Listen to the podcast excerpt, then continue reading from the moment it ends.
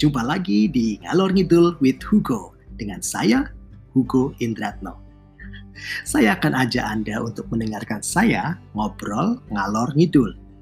Mungkin Anda sedang suntuk, kemudian ingin mendengar suara saya nggak enak tadi ya. Saya ulangi deh. kemudian ingin mendengar obrolan santai berbobot atau sekedar ingin mendengar suara saya menghipnotis Anda untuk jadi pintar aduh, aduh sorry sorry. Jangan tambah beban hidup saya buat mikir katanya. sorry bro. Tapi harapan saya Anda sehat selalu dan berkumpul bersama keluarga dan juga teman dari Sabang sampai Merauke, dari ujung utara di Pulau Batu Bawaikang di Laut Sulawesi, Kabupaten Kepulauan Sangihe, Sulawesi Utara, sampai di sana tuh di ujung Pulau Dana atau Ndana di barat Pulau Rote, Rote masuk di Kabupaten Rotendao, Nusa Tenggara Timur. Selamat mendengarkan podcast bersama saya, Hugo Indratno, dalam Ngalor Ngidul with Hugo. Uh, episode ini kita bicara ringan ya. Selalu saya ngomongnya gitu. Ini sudah masuk episode keempat. Ya, saya pikir memang obrolan yang saya angkat itu obrolan sehari-hari. Uh, seperti kemarin, uh, saya ngobrol tentang apa yang terjadi di pandemi, pandemik ini ya, keluhan-keluhan semacam itu ya. Tapi semuanya secara manusiawi karena dalam situasi seperti sekarang ya semuanya mempunyai keluh kesah. Kemudian di episode sebelumnya saya bicara tentang yuk berbagi berkat. Nah, di episode kali ini saya akan mengangkat jadi semacam cerita-cerita tadi, jadi anekdot. Ya, uh, saya akan melihat blessing in disguise. Kita melihat sisi positif dari pandemik ini di saat kita sedang ya sedikit tertimpa bencana, tetapi selalu bersyukur teman-teman karena ada blessing in disguise. Oke, okay? dilanjut nih. saya tuh nggak enak. Kadang-kadang ada yang di ujung sana ngomong, ah ini nih biasaan nih uh, si Hugo ini uh, mau ngasih petua, ngobrol apa ngasih petua? Uh, sebenarnya ngobrol sih. Jadi gini, kemarin saya sempat cerita grup-grup uh, WA ya, teman-teman SMP, teman-teman kuliah. Nah dia ada yang lucu nih. Beberapa minggu kemarin teman SMP saya itu dia bekerja di sektor informal uh, dia sebagai seorang apa namanya IO pernikahan begitu ya. Sementara istrinya itu bekerja di uh, tetap dalam konteks pernikahan sebagai apa ya namanya perias pengantin ya nah beberapa minggu lalu uh, pak sepasang suami istri ini mungkin bingung kali ya ada kebingungan terus teman saya suaminya itu mengangkat cerita mereka dan mempertanyakan langkah apa yang harus dilakukan di WA group. Bayangkan itu usaha mereka, tapi mereka malah tanya ke kita, gimana nih bro, tolong dong. Ya, ceritanya mereka itu sudah mendapatkan down payment atau uang muka dari klien mereka. Nah, itu lucunya karena pernikahan banyak yang dibatalkan ya. Kemudian dia tanya, ini DP-nya diapain nih teman? Aku harus gimana nih? Kemarin aku itu berpikir saya balikin semuanya. Nah ya sudah kita bilang ya udah balikin aja. Nah problemnya adalah ada yang saya balikin, DP-nya saya balikin malah bilang nggak usah mas, udah deh kita sudah uh, ini kok sudah melalui me, apa melampaui batas gitu ya batas pemberitahuan bahwa kita batal. Oh jangan gitu dong, kasihan ini kan bencana ya gitu. Udah balikin separuh deh enggak mau. Jadi bingung juga.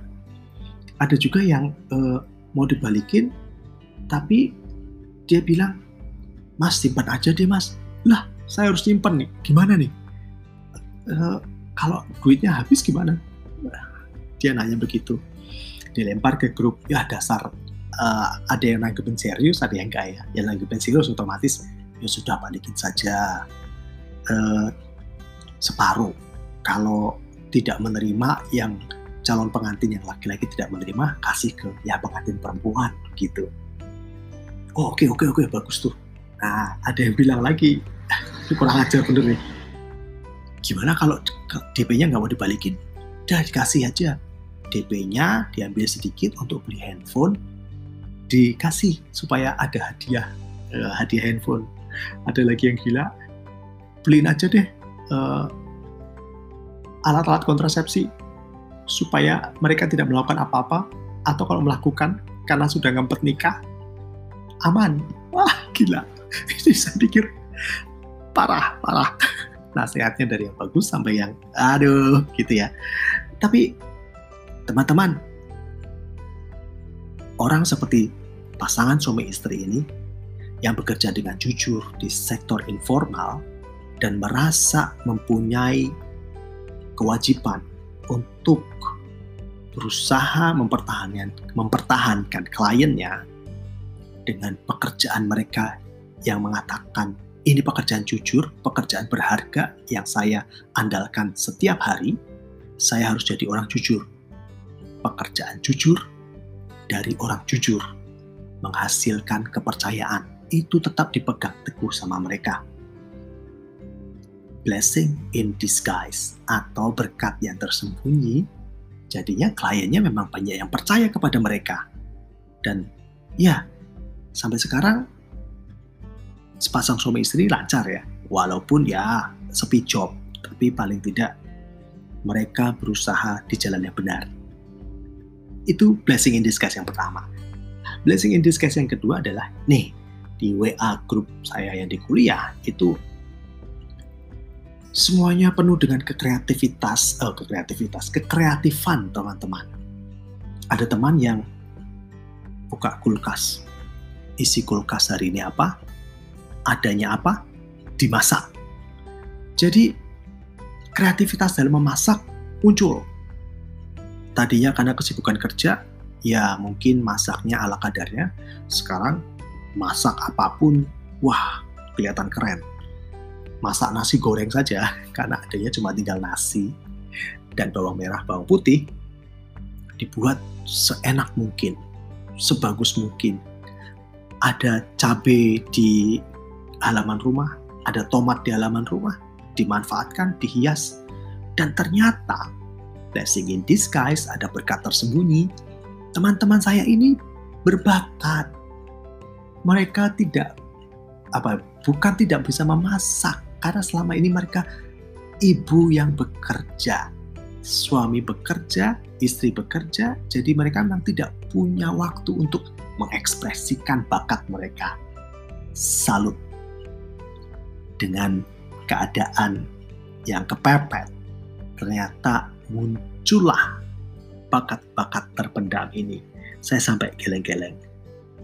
Jadi uh, dari dua contoh ini saya berpikir-pikir, Nah, berpikir-pikir, berpikir, uh, ya kadang mungkin kita harus kepepet dulu ya untuk bisa menunjukkan kualitas kita.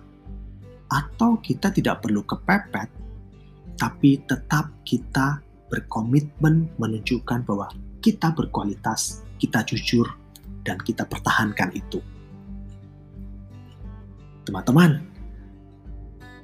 ini terus terang bukan petuah, tapi menyindir diri saya sendiri untuk bertanya, Hei Hugo, apakah kamu masih jujur? Hei Hugo, apakah podcast ini ngobrolmu jujur?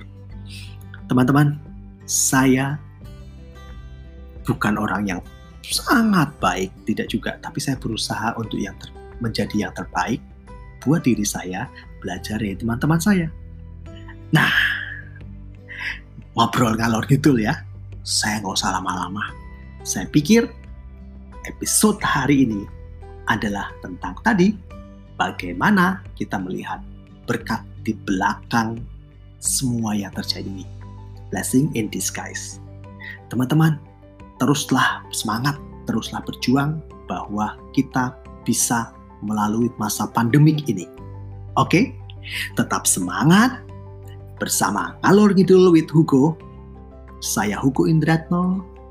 Salam sehat, tetap semangat, dan cerio.